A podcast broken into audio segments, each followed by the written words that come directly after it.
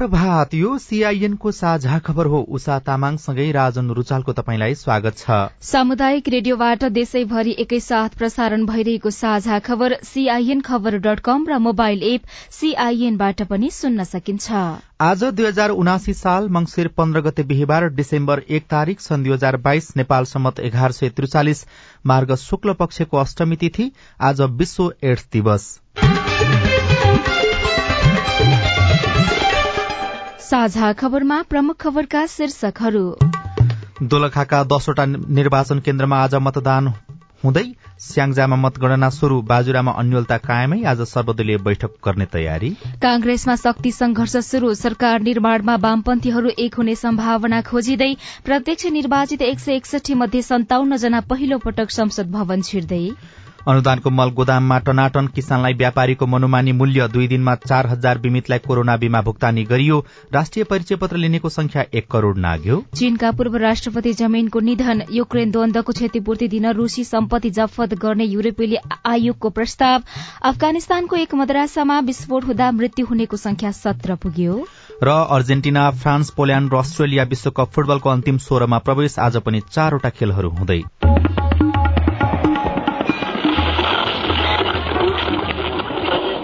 सयौं radio हजारौं radio कर्मी र करोड़ौं नेपालीको माझमा यो हो सामुदायिक सूचना नेटवर्क सीआईएन साझा खबरको सबैभन्दा शुरूमा दोलखामा आज पुनः हुन लागेको मतदान सम्बन्धी प्रसंग निष्पक्ष निर्वाचन हुन नसकेका दोलखाको दसवटा निर्वाचन केन्द्रमा आज पुनः मतदान हुँदैछ। मंगिर चार गते सम्पन्न भएको निर्वाचन निष्पक्ष नभएको निष्कर्ष निकाल्दै निर्वाचन आयोगले पुनः मतदानको मिति घोषणा गरेको थियो। सोही अनुसार आज जिल्लाको वैतेश्वर गाउँपालिका वडा नम्बर छ नामदू स्थित वैतेश्वर माध्यमिक विद्यालय मतदान केन्द्र क ख र ग वैतेश्वर गाउँपालिकाकै वडा नम्बर दुई स्थित जनज्योति माध्यमिक माध्यमिक विद्यालय पुतलीकाठ मतदान केन्द्र क र ख र तामाकोशी गाउँपालिका वडा नम्बर तीन हेल्थ पोस्ट भवन जफे मतदान केन्द्र क र ख गरी सातवटा केन्द्रमा भएको मतदान स्वतन्त्र स्वच्छ निष्पक्ष र भयरहित वातावरणमा सम्पन्न नभएपछि पुनः मतदान हुन लागेको हो। त्यस्तै दोलखाकै बैतेश्वर गाउँपालिका वडा नम्बर तीन कालीढुङ्गा माध्यमिक विद्यालय मतदान केन्द्र क ख र गमा एक सय मतपत्रको अर्धकट्टी हराएपछि त्यहाँ पनि आज पुनः मतदान हुँदैछ। पुनः मतदान बिहान सात बजेबाट बेलुका पाँच बजेसम्म सञ्चालन हुनेछ। निर्वाचनलाई स्वच्छ र भयरहित बनाउन नेपाली सेना नेपाल प्रहरी सशस्त्र प्रहरी पर्याप्त परिचालन गरिएको दोलखाका प्रमुख जिल्लाधिकारी भोजराज खतिवड़ाले जानकारी दिनुभयो। यसैबीच निर्वाचन आयोगले मतगणना शुरू गर्न निर्देशन दिएसँगै स्याङ्जा क्षेत्र नम्बर दुईमा गए रातीबाटै मतगणनाको काम शुरू भएको छ। हिजो साँझ बसेको सर्वदलीय बैठकपछि राति एघार बजेबाट मतगणनाको कार्य शुरू भएको स्याङ्जाका प्रमुख जिल्ला अधिकारी गंगा बहादुर छेत्रीले सीआईएनलाई जानकारी दिनुभयो। स्याङ्जा दुईको चापाकोट नगरपालिकाका चारवटा मतदान केन्द्रमा नेपाली कांग्रेसले बुथ कब्जा गरेको भन्दै नेकपा एमाले सहितका अन्य राजनैतिक दलहरूले पुनः मतदानको माग गरेका थिए।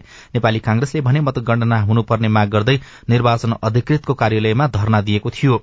यो क्षेत्रमा नेकपा एमालेबाट सचिव पद्मा अरियाल नेपाली कांग्रेसबाट उपसभापति धनराज गुरूङ राष्ट्रिय स्वतन्त्र पार्टीबाट टिकराज गुरूङ लगायतका उम्मेद्वारहरू प्रतिस्पर्धामा उत्रिएका छन्। बाजुरामा भने सर्वदलीय बैठकमा नेकपा एमालेका प्रतिनिधि उपस्थित नभएपछि आज पुनः बैठक बस्दैछ।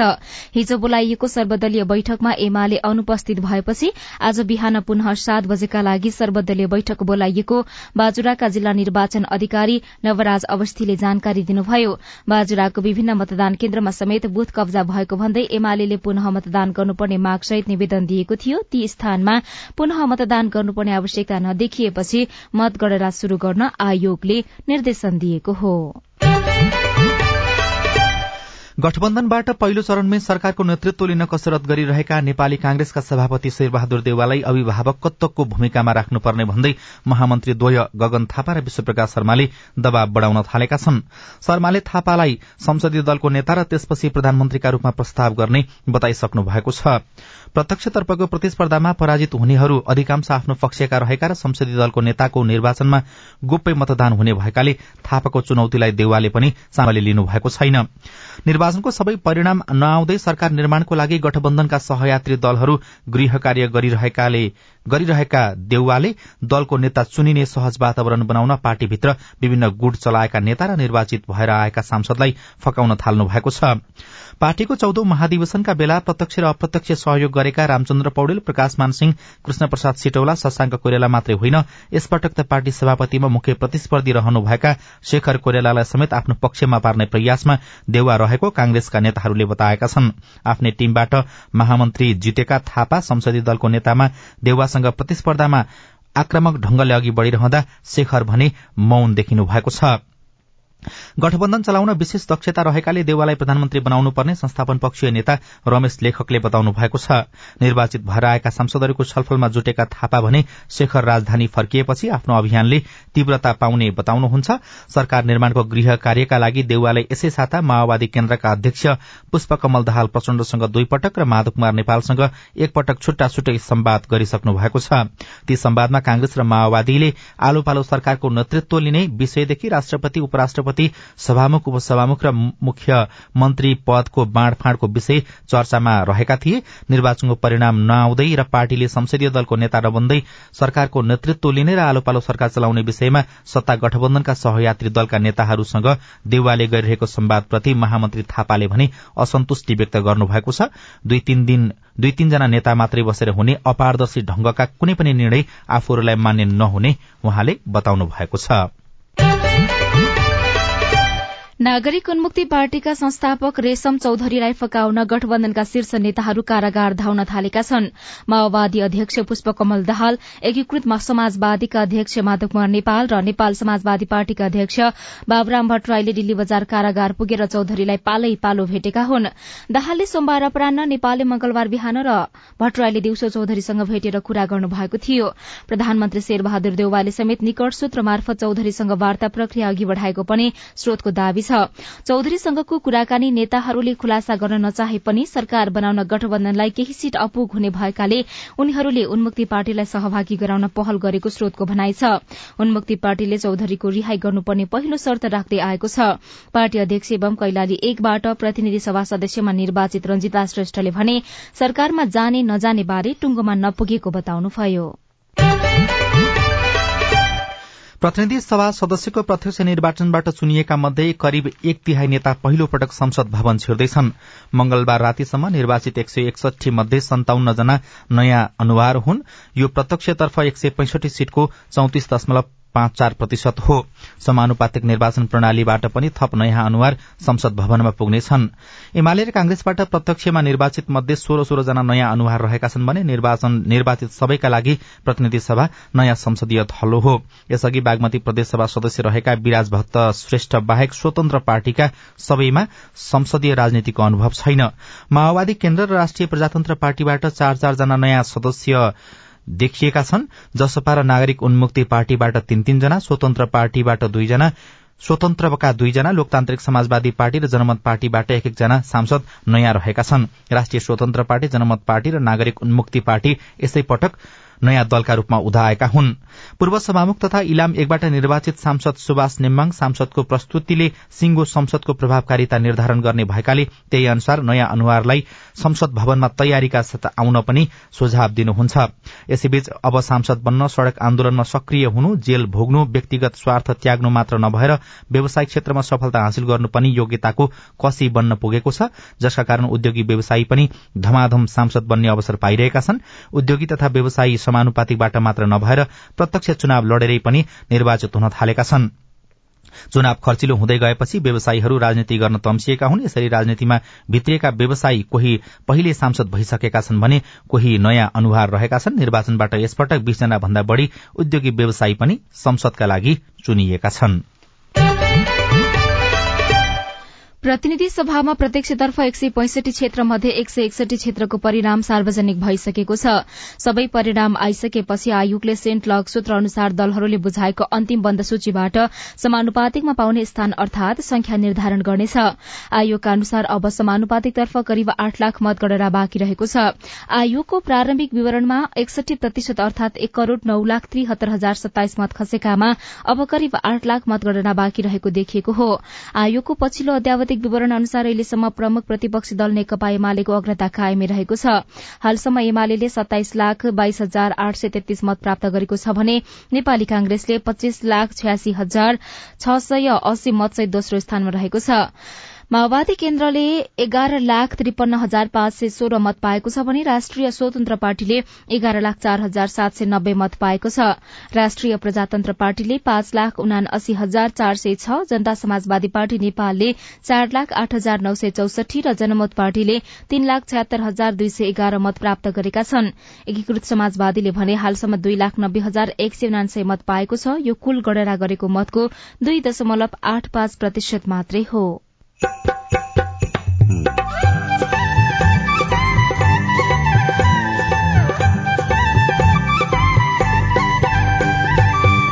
सामुदायिक सूचना नेटवर्क सीआईएन मार्फत देशभरि प्रसारण भइरहेको साझा खबरमा सरकार गठनमा वाम एकताको सम्भावना कति? एजेन्डा मिल्ने मिल्नेहरूको बीचमा सहकार्य हुने भयो। एजेन्डा नमिल्नेहरूको बीचमा त सहकार्य हुने कुरो भएन।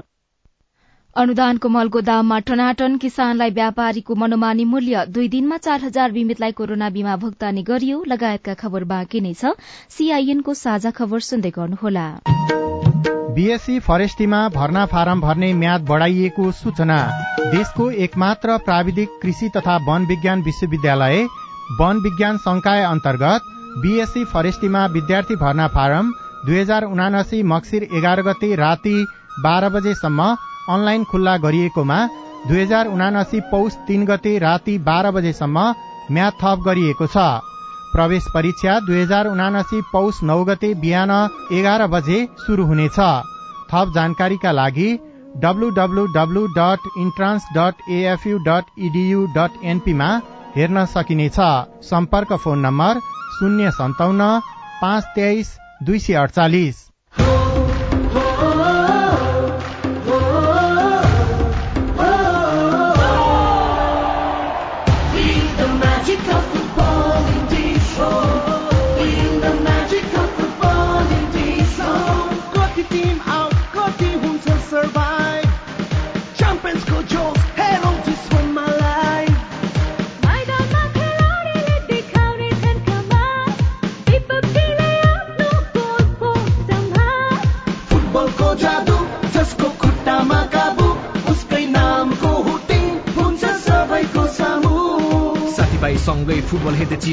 डिसोमा घरमा स्टेडियमको फिल गरौँ बल लाग्दा पोलमा सुट हुन्छ गोलमा हल्ला हुन्छ गोलमा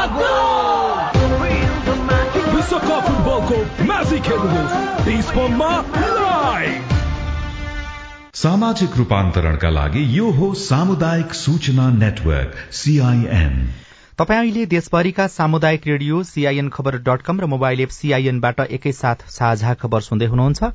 अब आज काठमाडौँबाट प्रकाशित पत्र पत्रिकाका खबर। कान्तिपुर दैनिकले पहिलो पृष्ठमा संक्रमण कालमै चारजनालाई एआईजी बनाउने खेल शीर्षकमा मातृका दाहालले खबर लेख्नु भएको छ।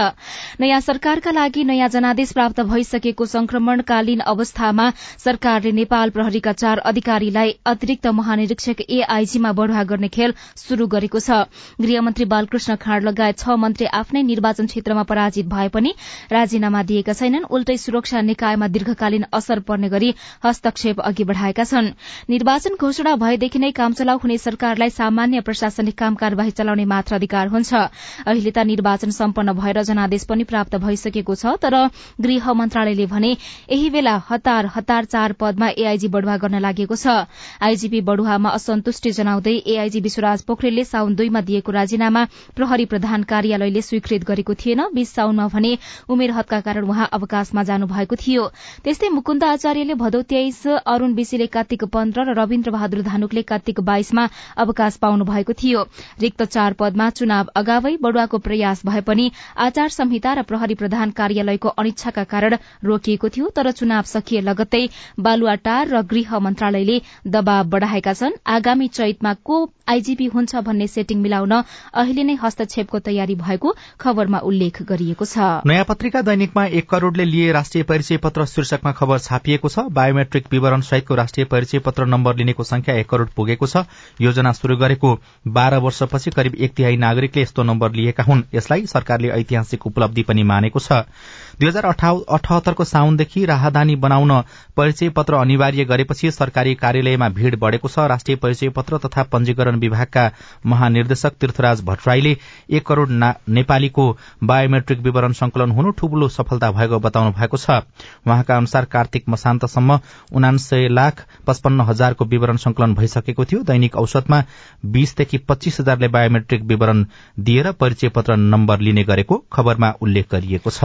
चीनसँग जोडिने नेपालको सबैभन्दा पुरानो नाका विनाशकारी भूकम्पपछि आंशिक रूपमा आयात खुल्ला भएको चार वर्ष भयो तर निर्यात बन्द भएको सात वर्ष बितिसकेको छ। चीनले समय समयमा विभिन्न वाहनाबाजीका नाममा नाका खोल्ने र बन्द गर्दै आएको छ। सोही कारण सधैँ गुल्जार रहने मितेरी पुलदेखि चीन नेपाल दुवै क्षेत्रको करिब पाँच किलोमिटर क्षेत्र अहिले सुनसान छ। सो क्षेत्रमा कहिलेकाहीँ मात्रै दिनमा तेह्र सय पचहत्तर साइजका तीनवटा गाड़ीमा सामान आयात हुने गरेको तातोपानी भन्सारका प्रमुख भन्सार अधिकृत दयानन्द केसीले बताउनुभयो।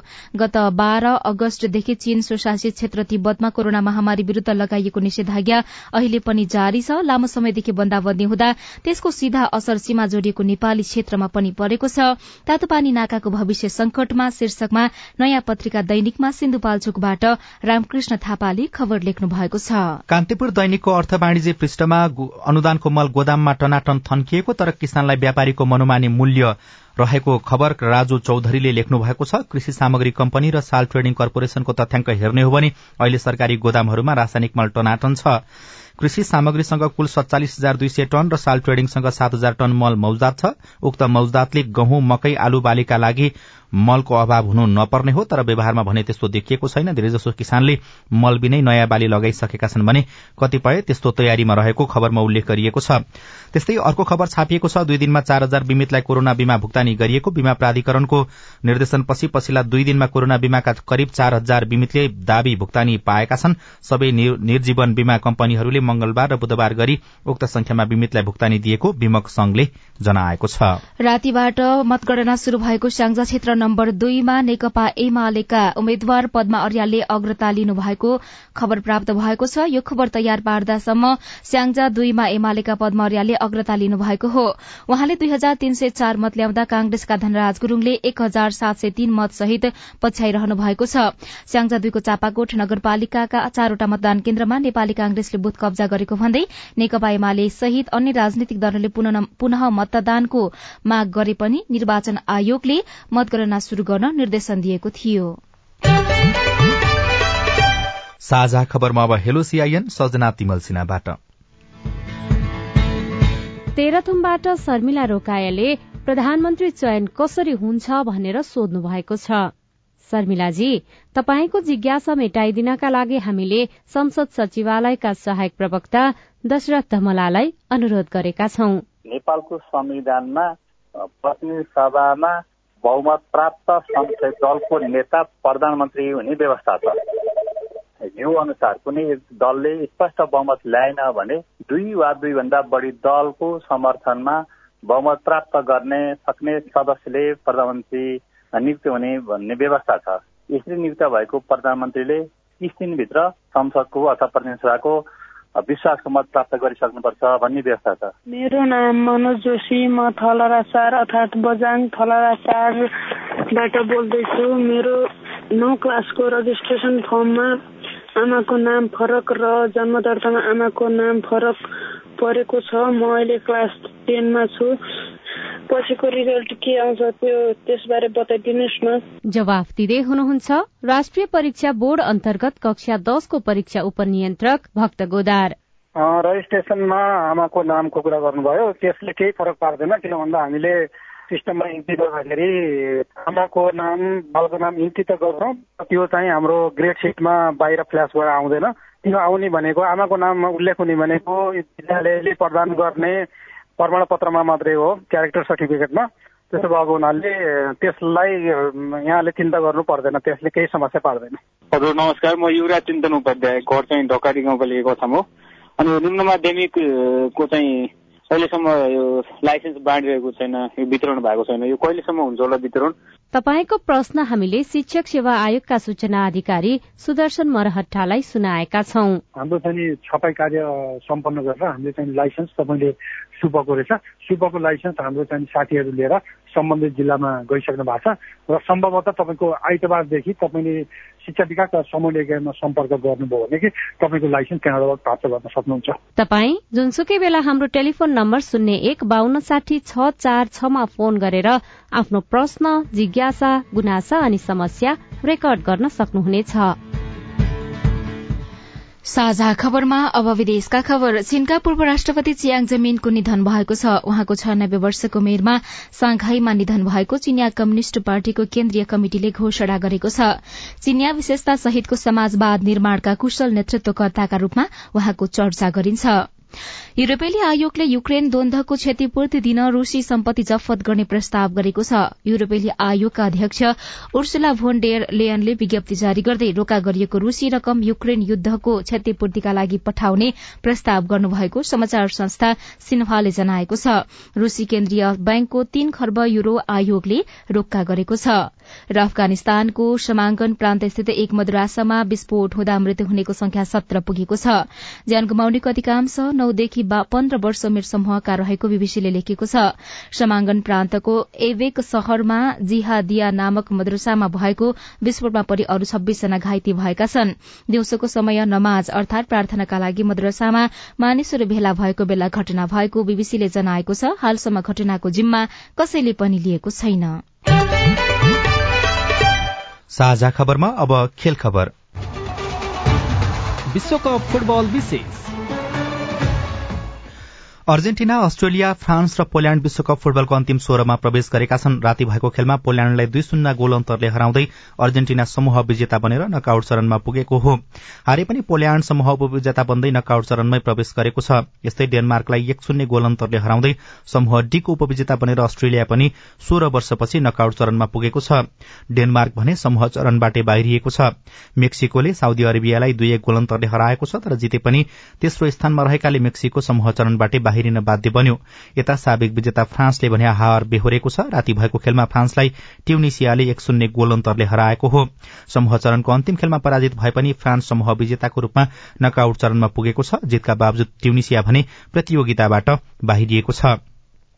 यसैबीच विश्वकप फुटबलमा आज समूह ई र एफका दुई दुईवटा खेलहरू हुनेछन्। समूह ईमा रहेका कोष्टारिका र जर्मनी तथा जापान र स्पेन खेल्दा समूह एफमा रहेका क्यानाडा र मोरक्को तथा क्रोएसिया र बेल्जियम बीच प्रतिस्पर्धा हुनेछ।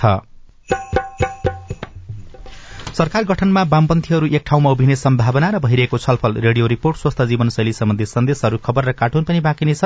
सीआईएनको साझा खबर सुन्दै गर्नुहोला।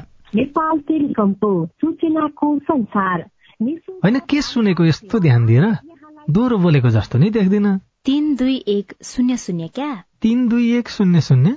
के हो त्यो भने? बुझिन त। ल सुन एनटिसी प्रयोगकर्ताहरूले आफ्नो मोबाइल तथा ल्यान्डलाइनमा तीन दुई एक शून्य शून्य डायल गरी समाचार रेडियो कार्यक्रम खेल र अन्य विषय बारे सन्देशहरू जुनसुकै बेला निशुल्क सुन्न सक्छन्। ओहो निशुल्क? कस्तो सजिलो। समाचार सुन्न छुट्यो भनेर पिर लागेको थियो। अब त म पनि सुनिहाल्छु। कति रे? तिन दुई एक शून्य शून्य। सामाजिक रूपान्तरणका लागि यो हो सामुदायिक सूचना नेटवर्क सीआईएन साझा खबरमा अब सरकार गठन र वाम एकताको कुरा। निर्वाचनमा कुनै दलले आवश्यक बहुमत पाउन नसकेपछि सरकार गठनका विभिन्न विकल्पमाथि बहस शुरू भएको छ। कांग्रेसले निर्वाचन अघिकै पाँच दलीय गठबन्धनलाई कायम राख्दै सरकार बनाउने तयारी गर्दै गर्दा पुनः वाम एकताको चर्चा पनि शुरू भएको छ। तर के चर्चा जस्तै वाम एकता हुने सम्भावना छ त? निर्वाचन अघिसम्म पनि बराबरीकै जस्तो अवस्थामा रहेका नेकपा एमाले नेकपा माओवादी केन्द्र र नेकपा एकीकृत समाजवादीका अध्यक्षहरू निर्वाचनपछि केही नजिकिएको ठानिएको छ। रौतहटबाट निर्वाचित भए लगत्तै नेकपा यसका अध्यक्ष माधव कुमार नेपाल र लमजुङबाट पराजित भए लगत्तै माओवादी केन्द्रका महासचिव देव गुरूङले वाम एकताको प्रसंग उठाउनु भएको थियो। लगत्तै एमाले अध्यक्ष केपी शर्मा ओलीले माओवादी केन्द्रका अध्यक्ष प्रचण्डलाई फोन गरेर सत्ता सहकार्यको प्रस्ताव राखेपछि यो विषयले थप चर्चा पायो। सबैभन्दा ठूलो वामपन्थी दल एमाले वाम गठबन्धनको अगुवाई गर्छ त एमालेका सचिव योगेश भट्टराई। एमाले सरकार बनाउने क्रम त्यति धेरै दौडधुप गर्दैन। पहिलो कुरा त माधव नेपाल र प्रचण्डले काङ्ग्रेससँगको गठबन्धन छोडेर निस्किनु पर्यो हिजोका कुराहरू भनेको समय क्रममा समीक्षा गर्दै जानुपर्छ। अब हिजोका त्यो धेरै फर्किनु हुँदैन। अगाडि हिँड्ने हो। अगाडि हिँड्दाखेरि अब माधवजी र प्रचण्डजी निस्किनु पर्यो त्यहाँबाट उहाँहरू त्यहाँ छोडेर आउन चाहेको खण्डमा एमाले स्वागत गर्न तयार हुन्छ। त्यो बाहेकको अर्को कुनै बटम लाइन चाहिँ छैन? उहाँहरू नछोडी त कसरी हुन्छ? उहाँहरू दुईटा गठबन्धनमा बस्नु मिल्दैन। मतगणनाको अन्तिम परिणाम आउन बाँकी रहे पनि समानुपातिक समेत गरी एमालेको अठहत्तर सीट हुन सक्ने देखिन्छ। माओवादीको सम्भावित एकतीस राष्ट्रिय दल बन्न सके समाजवादीको चौध तथा जनमोर्चा र नेमकिपाको एक एक सीट गर्दा वाम दलसँग एक सय पच्चीस सीट हुने देखिन्छ। बहुमतका लागि एक सय अडतीस सीट चाहिन्छ। वामपन्थी दलले मात्र त्यो संख्या नपुर्याउने भए पनि स्वतन्त्र र जसपा लोसपा राप्रपा नागरिक उन्मुक्ति लगायत दलको सहयोगमा बहुमत पुग्न सक्छ। वाम एकताबारे माओवादी केन्द्रको धारणा चाहिँ के हो त? माओवादी केन्द्रका महासचिव देव गुरूङ। यथास्थितिमा त यो संविधान छ। संविधानले क्रियाशीलता पाउनु पर्यो संविधानलाई क्रियान्वयन गर्नु पर्यो संविधानलाई। निरन्तरता पाउनु पर्यो। अहिलेको मूल राष्ट्रिय एजेन्डा त यही नै हो चाहिँ। एजेन्डा मिल्ने मिल्नेहरूको बीचमा सहकार्य हुने भयो। एजेन्डा नमिल्नेहरूको बीचमा त सहकार्य हुने कुरो भएन। वामपन्थी दलका शीर्ष नेताको कटुतापूर्ण सम्बन्धलाई वाम एकताको प्रमुख अवरोध मध्ये एक मानिएको छ। राजनैतिक विश्लेषक हरि रोका एकताका लागि गम्भीर आत्मसमीक्षा र त्याग आवश्यक भएको बताउनुहुन्छ। आफूलाई सच्याउने भन्ने हिसाब किताबमा जाने हुन् त आफूले गरेको प्रोग्रामको बारेमा जनतालाई चाहिएको आवश्यकताको बारेमा अहिलेको तपाईँको छ नि सङ्कट निवारण गर्ने बारेमा त्यसको लेखाजोखा र तपाईँको चाहिँ त्यसको कार्यक्रम त बनाउनु पर्ने हुन्छ। यहाँ मिल्नेलाई पनि तपाईँको त्यत्रो समस्या छैन नि। भागभन्डा गरेर जाने त हो। तर अब त्यो अन्डरस्ट्यान्डिङ गर्न नसकेर तपाईँको भत्किया हो पहिले पनि। अघिल्लो निर्वाचनमा दल नै एक बनाएर बहुमत प्राप्त गरे पनि पाँच वर्ष नपुग्दै पार्टी विभाजन र सरकारमा समेत उथल पुथल बेहोरेको वामपन्थी दलहरूको एकता चर्चा गरिएको जस्तो सहज भने नभएको टिप्पणी गर्नेहरू पनि धेरै छन्। अबको वाम एकताको सम्भावना बारे विश्लेषक श्याम श्रेष्ठ भन्नुहुन्छ। पाँच वर्ष पछाडिको चुनावमा त्यो कार्यान्वयन हुन्छ होला। त यसपालि त चुनावी गणितले के कुरा भन्दैन भनेदेखि वामपन्थी एकता हुँदैमा सरकार बन्छ भन्ने चाहिँ देखिँदैन। त्यसो भएको हुनाले अहिले उनीहरू मिलेर सरकार बनाउने सम्भावना चाहिँ म ज्यादै कम देख्छु। नेकपाको विभाजनपछि वामपन्थी शक्ति कमजोर भएको विश्लेषण कतिपयको छ। वाम शक्ति एक नहुँदा अस्थिरता बढ़ेको आकलन गर्नेहरू पनि छन्। अहिलेकै अवस्थामा वाम एकता असम्भव नभए पनि निकै कठिन भने देखिन्छ। अविनाश आचार्य सीआईएन काठमाडौँ। रिपोर्टसँगै हामी साझा खबरको अन्त्यमा आइपुगेका छौं। सामुदायिक रेडियो प्रसारक संघद्वारा संचालित सीआईएनको बिहान छ बजेको साझा खबर सक्नु अघि तपाईँको स्वस्थ जीवनशैलीसँग जोडिएको एउटा सन्देश। मुटुलाई स्वस्थ राख्न कस्ता खानेकुरा खाने? चामलमा सक्यो भने उसिनेको चामल खाने बानी गर्नुपर्छ। ब्रोकाउली र काउलीको मात्रालाई खानुपर्छ र फलफुल नियमित एउटा न एउटा चाहिँ खानुपर्ने हुनसक्छ। कार्बोहाइड्रेटको लागि चाहिँ हामीले यही गर्नु पर्यो अब प्रोटिनको मात्रामा चाहिँ हामीले गेडागुडीहरू हामीले प्रशस्त रूपमा खान सक्छौँ। र मासुमा चाहिँ हामीले विशेषतः माछा एकदमै राम्रो हुन्छ। कुखुराको मासु छाला हटाएर खाँदा राम्रो हुन्छ। रातो मासु भन्छ जस्तै चार खुट्टे जनावरको मासुहरू जस्तै खसी भयो बोका भयो भेडा च्याङ्रा त्यसपछि यो सुँगुर बुङ्गुर राँगाहरू भयो। यस्ताका मासुहरू चाहिँ रातो मासु अन्तर्गत पर्छ र यो खालका मासुहरूले हाम्रो शरीरलाई फाइदा गर्दैन। त्यस हुनाले नै यो मासुहरू सकेसम्म चाहिँ नखानु होला अन्डाको सवालमा अन्डा खाए पनि अन्डाको सेतो भाग खान सक्नुहुन्छ पहेँलो भाग चाहिँ नखानु होला दालहरू तपाईँहरूले प्रोटिनको हिसाबमा खान सक्नुहुन्छ। डाक्टर भूपेन्द्र शाहसँगको कुराकानीमा आधारित यो सन्देशसँगै साझा खबरमा मुख्य मुख्य खबर फेरि एकपटक। दोलखाका दसवटा निर्वाचन केन्द्रमा आज पुनः मतदान हुँदै स्याङ्जामा मतगणना शुरू बाजुरामा भन्ने अन्यलता कायमै आज सर्वदलीय बैठक गर्ने तयारी। कांग्रेसमा शक्ति संघर्ष शुरू सरकार निर्माणमा वामपन्थीहरू एक हुने सम्भावना खोजिँदै। प्रत्यक्ष निर्वाचित एक सय एकसठी मध्ये सन्ताउन्न जना पहिलो पटक संसद भवन छिर्दै। अनुदानको मल गोदाममा टनाटन किसानलाई व्यापारीको मनोमानी मूल्य। दुई दिनमा चार हजार बिमितलाई कोरोना बीमा भुक्तानी गरियो। राष्ट्रिय परिचय पत्र लिनेको संख्या एक करोड़ नाग्यो। चीनका पूर्व राष्ट्रपति जमीनको निधन युक्रेन द्वन्दको क्षतिपूर्ति दिन रूसी सम्पत्ति जफत गर्ने युरोपेली आयोगको प्रस्ताव। अफगानिस्तानको एक मद्रसामा विस्फोट हुँदा मृत्यु हुनेको संख्या सत्र पुग्यो। र अर्जेन्टिना फ्रान्स पोल्याण्ड र अस्ट्रेलिया विश्वकप फुटबलको अन्तिम सोह्रमा आज पनि चारवटा खेलहरू हुँदै। साझा खबरको अन्त्यमा कार्टुन लिएका छौं कान्तिपुर दैनिकबाट अबिनले बनाउनु भएको। कान्तिपुरले आज ठूलो कार्टुन छापेको छ। पहिलो पृष्ठमा यहाँ कुर्सी देखाइएको छ प्रधानमन्त्रीको कुर्सी जहाँ प्रधानमन्त्रीको रूपमा शेरबहादुर देउवा बसिरहेको जस्तो देखिन्छ। च्याप्प कुर्सीलाई समातेर अनि कुर्सी लड्न लागेको छ। एउटा एउटा खुट्टा चाहिँ रामचन्द्र पौडेल जस्ता देखिने व्यक्तिले समातेका छन् भने गगन थापा जस्ता देखिने व्यक्तिले पनि समातेका छन्। अनि मास्तिरपट्टि चाहिँ नारा लगाइएको छ। गगन थापा जस्ता देखिने व्यक्तिको नारा चाहिँ यस्तो छ। युवा पुस्ता जिन्दाबाद अनि रामचन्द्र पौडेल जस्ता देखिने व्यक्तिको नारा छ। बुबा पुस्ता जिन्दाबाद अनि फेरि शेरबहादुर देवा जस्ता देखिने व्यक्तिले चाहिँ यसो भन्दै नारा लगाइरहेका छन्। ज्योतिष बाजे प्रधानमन्त्री देऊ हवस् त प्राविधिक साथी सुनिल राज भारतलाई धन्यवाद। अहिलेलाई राजेन्द्र चाल र उषा तामाङ विदा भयौं। तपाईँको आजको दिन शुभ होस्। नमस्कार।